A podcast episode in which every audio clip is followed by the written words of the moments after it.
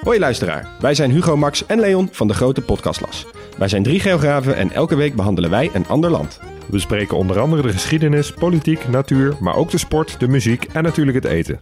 De nijlpaarden van Pablo Escobar, de vele bunkers van Albanië en het verschil tussen een sheik en een emir zijn zomaar wat voorbeelden die langskomen. Maar we bespreken ook de geopolitieke invloed van China in Afrika en de impact van het Europese kolonialisme. Luister dus wekelijks naar de audioversie van de Atlas, de Grote Podcastlas.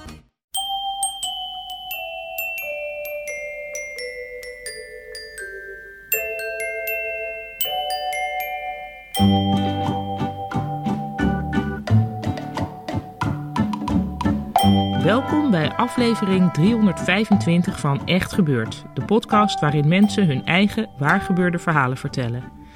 In deze aflevering een verhaal dat Erwin Wieringa in januari 2017 vertelde tijdens het eerste Echt Gebeurd Gala in de Kleine Comedie in Amsterdam.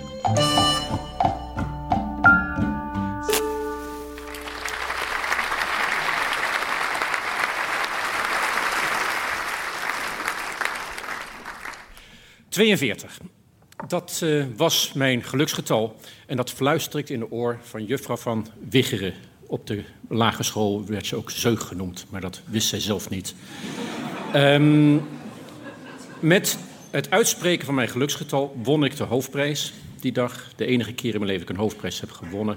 Het was een cowboyhoed, een pistool, een sheriffster en een holster.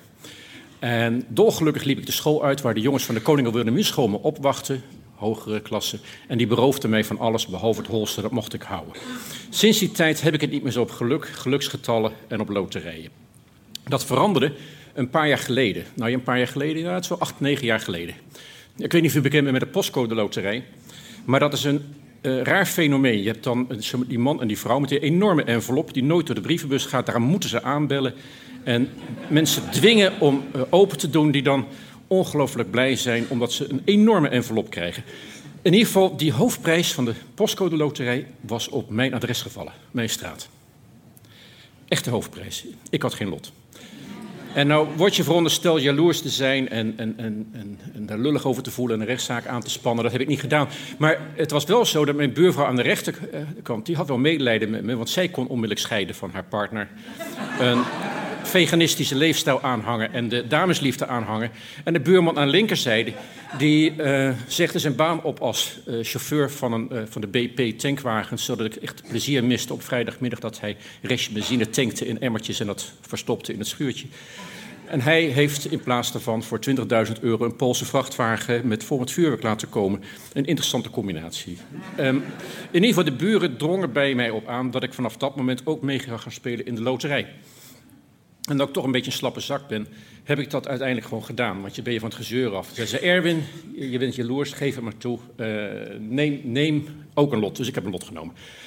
Nou, dat verhaal gaat verder in december van een aantal jaar geleden. En dan moet je weten, uh, ik ben te ik heb kinderen. En een van mijn kinderen, een, dochter van mij, is een, uh, die heeft in een onbraakmoment... werd ze uitgenodigd door een televisiemaatschappij RTL om mee te doen met een programma waarbij je met allemaal meisjes uh, in een vliegtuig werd gezet, naar Suriname werd vervoerd. En dan moest je allemaal dingen met elkaar gaan doen. Uh, en daar mocht je als ouders niks van weten. Dus zij was daar en daar waren opnames gemaakt en dat was allemaal riskant en leuk en apart. En zij wilde dat wel gaan doen. Maar zei ze tegen me van ja, maar ja, nou mis ik kerst en oud en nieuw. En op mijn leeftijd ben je geleidelijk aan gewend geraakt aan het idee dat kerst en oud en nieuw vreselijke feesten zijn. Maar toen dacht ik, van het zijn eigenlijk best aangename feesten als die drukte maar vanaf is. Of een beetje heel andere druk erop gelegd wordt. En toen hebben we de drukte zo opgelegd dat we in één avond en kerst en oud en nieuw en pak een beet ook maar even Sinterklaas gevierd hebben. Dus gedichten, kerstboom gehaald, oliebollen gebakken, vuurwerk, de hele, hele rattenplan. En Imke, zo heet mijn dochter, was hartstikke blij, heel gezellig. En om de feestvreugde compleet te maken, dacht ik van nou ja, ik nodig ook mijn andere kinderen uit en mijn ex-vrouw. En mijn ex-vrouw was, nou ja, het was ja, tien jaar daarvoor. Het was geleidelijk aan goed geworden. Het is een typisch zo'n zo'n slechte scheiding. Zo'n zo scheiding waarbij je eh, elkaar de tent uitvecht, maar later wordt het goed. Dus wat een heel goed nahuwelijk. Maar het was voor het eerst dat zij in mijn huis kwam. Voor het eerst dat ze huis dus Zij zit daar met haar nieuwe man aan mijn tafeltje. En ik ben aan het koken en we hebben lekkere dingen en we praten wat. En op een gegeven moment zegt ze tegen me van... Erwin, ik moet je toch wat vertellen. Ik zei, nou, wat is dat? Zei ze, ja, kan jij je nog herinneren onze ex-zwager Jan, die onlangs overleden is? Ik zei, ja, ja, ja, Jan herinner ik me. Jan is een soort bon vivant. Die was, hij woonde in Haarlem, gaf al zijn geld uit de kroeg, rookte, maakte ruzie. Gewoon zo'n gezellige jongen. um, zei, kan jij je herinneren dat je ooit uh, aan hem geld hebt geleend? Ik zei, nou ja, in die tijd, dat is zeker nou, echt 30 jaar terug... Hij zat krap en had al zijn geld doorheen gejaagd. Hij werd bijna zijn huis uitgezet. En ik had hem gewoon mijn hele spaarboekje leeggemaakt om het aan hem te geven. Want ik hield van die man. En ik weet niet hoe dat was geweest, 2000 gulden of zoiets. Dat is echt veel geld. Maar ja, in die tijd maakte dat niks uit. Als je maar gewoon gelukkig was en plezier had met elkaar. Dus ik gaf hem dat geld. Nou, zei ze, uh, weet je nog dat Jan een paar jaar geleden heeft meegedaan aan het programma Per Seconde Wijze? Dat is zo'n varenprogramma met die rare man met die bril, die driehuis geloof ik. Die zit er dan en dan moet je vragen beantwoorden. En hij heeft, met afstand, was hij uh, de kampioen aller tijden. Dus over in zijn leven mislukt, maar per seconde wijze verpletterend gewonnen. Alle twaalf vragen goed en mega bedrag gewonnen. Ik heb het niet gezien, maar ik hoorde het via via. Dus ik zei tegen Margriet van, joh, dat is leuk, daar zal de horeca en haar nou wel blij mee geweest zijn. nou, zei ze, het gaat even wat anders, want hij is bij mij langs geweest. Een aantal jaar geleden en hij zei van, nou, ik wil Erwin dat geld teruggeven. Dat is duizend euro. Ik wil het geld teruggeven, maar jullie zijn niet zo goed met z'n tweeën. Jij moet maar beslissen wat je doet. En zei ze, ik heb toen, stom, gewoon het geld zelf gehouden en uitgegeven. En ik schaam me daarvoor. En ik wil dat nu de kinderen erbij zijn, gewoon zeggen, eerlijk zeggen, ik schaam me voor dat gedrag en hier is het geld terug. 1000 euro.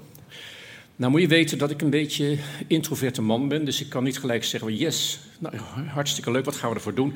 Dus ik pak dat geld in een envelopje aan en ik leg het achter meneer. We praten door en, uh, over koetjes en kalfjes en doen niks gebeurd is. Wij brengen Imke naar het vliegveld, Schiphol, zwaaien eruit en ik kom terug in mijn huis. En ik verwacht een enorme puinhoop, want ik had echt lekker gekookt. Ik kan het eerlijk zeggen, ik kan lekker koken. Uh, maar ik ruim slecht op. En als je een nieuwe relatie hebt, en dat had ik toen, is dat wel eens een bron van conflict. En mijn nieuwe partner was op dat moment in huis aanwezig. Um, ik zal gelijk zeggen, zij heeft het niet zo op, Margriet. Ze vindt dat een, ja, een beetje hypocriete griffemeerde trut. En ze vindt dat... Uh, zij kan daar niet tegen. En, dat, uh, en dan kies ze ervoor om gewoon afstand te houden. Wat is beter voor iedereen. Anders is de sfeer bedervend. En het was tenslotte kerst, oud en nieuw en Sinterklaas. Dus ik zit daar. En ik zeg van, moest luisteren. Ik zeg, Thea, dit wil je niet geloven. Dit verhaal moet je horen. Wat er gebeurd is. Duizend euro. Je, dit, dit geloof je niet. En zij had ondertussen de afwas gedaan, opgeruimd. Zegt, Erwin, waarom is het altijd zo'n tering zo in jouw huis als je gekookt hebt? Ik zeg, dankjewel, je hebt het opgeruimd. Dank je, maar ga even zitten. Hoor het verhaal. En ik vertel het verhaal, zegt ze, nou, het zou me verbazen als het hele bedrag erin zit. Laat maar zien. Ik zei, nou. Ik zei, waar is die stapel gebleven? Ik had hier toch een stapel met krant. Daar lag die envelop. En zei, de, de stapel krant, dat was oud papier, dat heb ik weggegooid, dat is allemaal weg. Ik zei, nou, daar zat wel mooi een envelop met duizend euro tussen.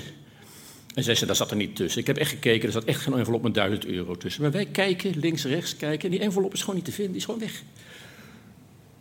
En zij begint te huilen. En ze van geen uit, het is toch een mooi verhaal. Ik heb het geld nooit gehad. Ik heb er nooit op gerekend. En ik heb de excuses gehad. Kan jou het schelen? Laten we zitten. Maar zij bleef er over doorgaan, want het zat toch al niet zo lekker tussen ons en wat dan ook. Ze wilde dat uitleggen. En ze van, van uh, maar het is ook je eigen schuld een beetje, want je bent zo rommelig. Ik ik ben helemaal niet rommelig. Ik heb gewoon een envelop met 1000 euro neergelegd. En als je je verstand had gebruikt, had je gewoon gekeken. Dus het eindigt een beetje in lichte conflictsfeer. Um, terwijl geld niet belangrijk is. Nou, we gingen toen. Uh, dat, het verhaal gaat door, want we zijn nog niet hoor. Er komt een apotheose. Want je moet ze.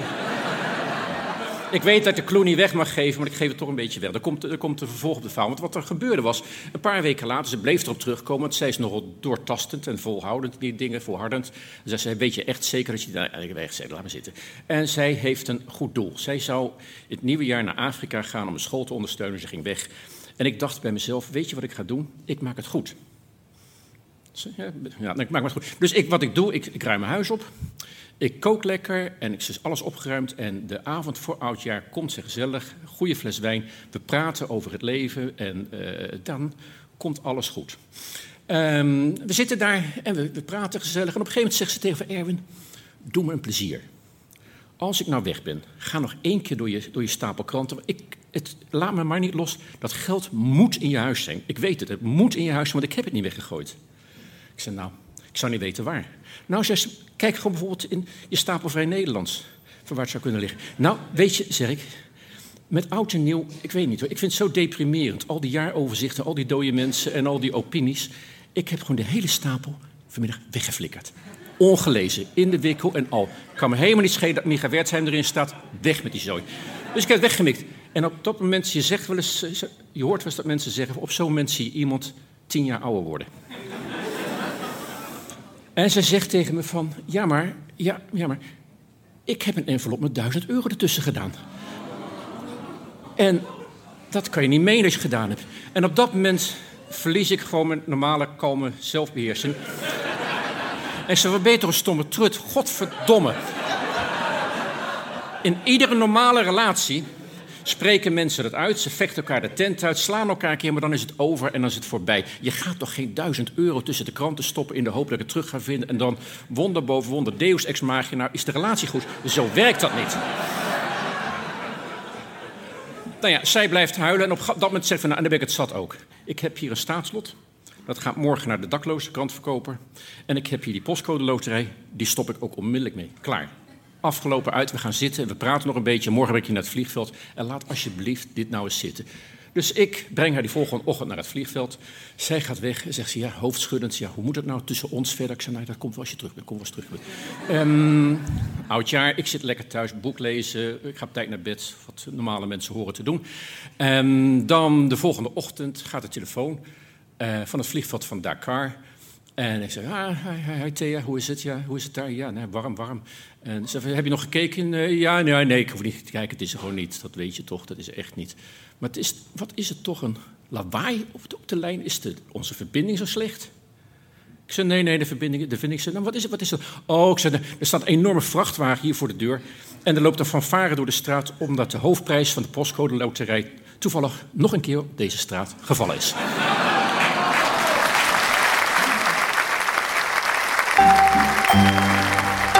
Dat was een verhaal van Erwin Wieringa. Erwin is orthopedagoog met een voorliefde voor lastige mensen in lastige situaties. Hij zet zich met name in voor mensen met ernstige handicaps in de samenleving. Je kunt meer over hem lezen op stichtingdetoekomst.nl. Erwin heeft meer bij ons verteld uh, en een ander verhaal van hem is te horen in aflevering 262 van deze podcast. De redactie van Echt Gebeurd bestaat uit Micha Wertheim, Rosa van Toledo, Maarten Westerveen en mijzelf, Panien Cornelissen. De productie doet Eva Zwaving, zaaltechniek voor deze aflevering deed Nicolaas Vrijman en de podcast wordt gemaakt door Gijsbert van der Wal. Dit was aflevering 325. Dankjewel voor het luisteren en vergeet niet, het is herfst. Dus hoog tijd om dit jaar Sinterklaas, Kerst en Oud en Nieuw op één dag te plannen.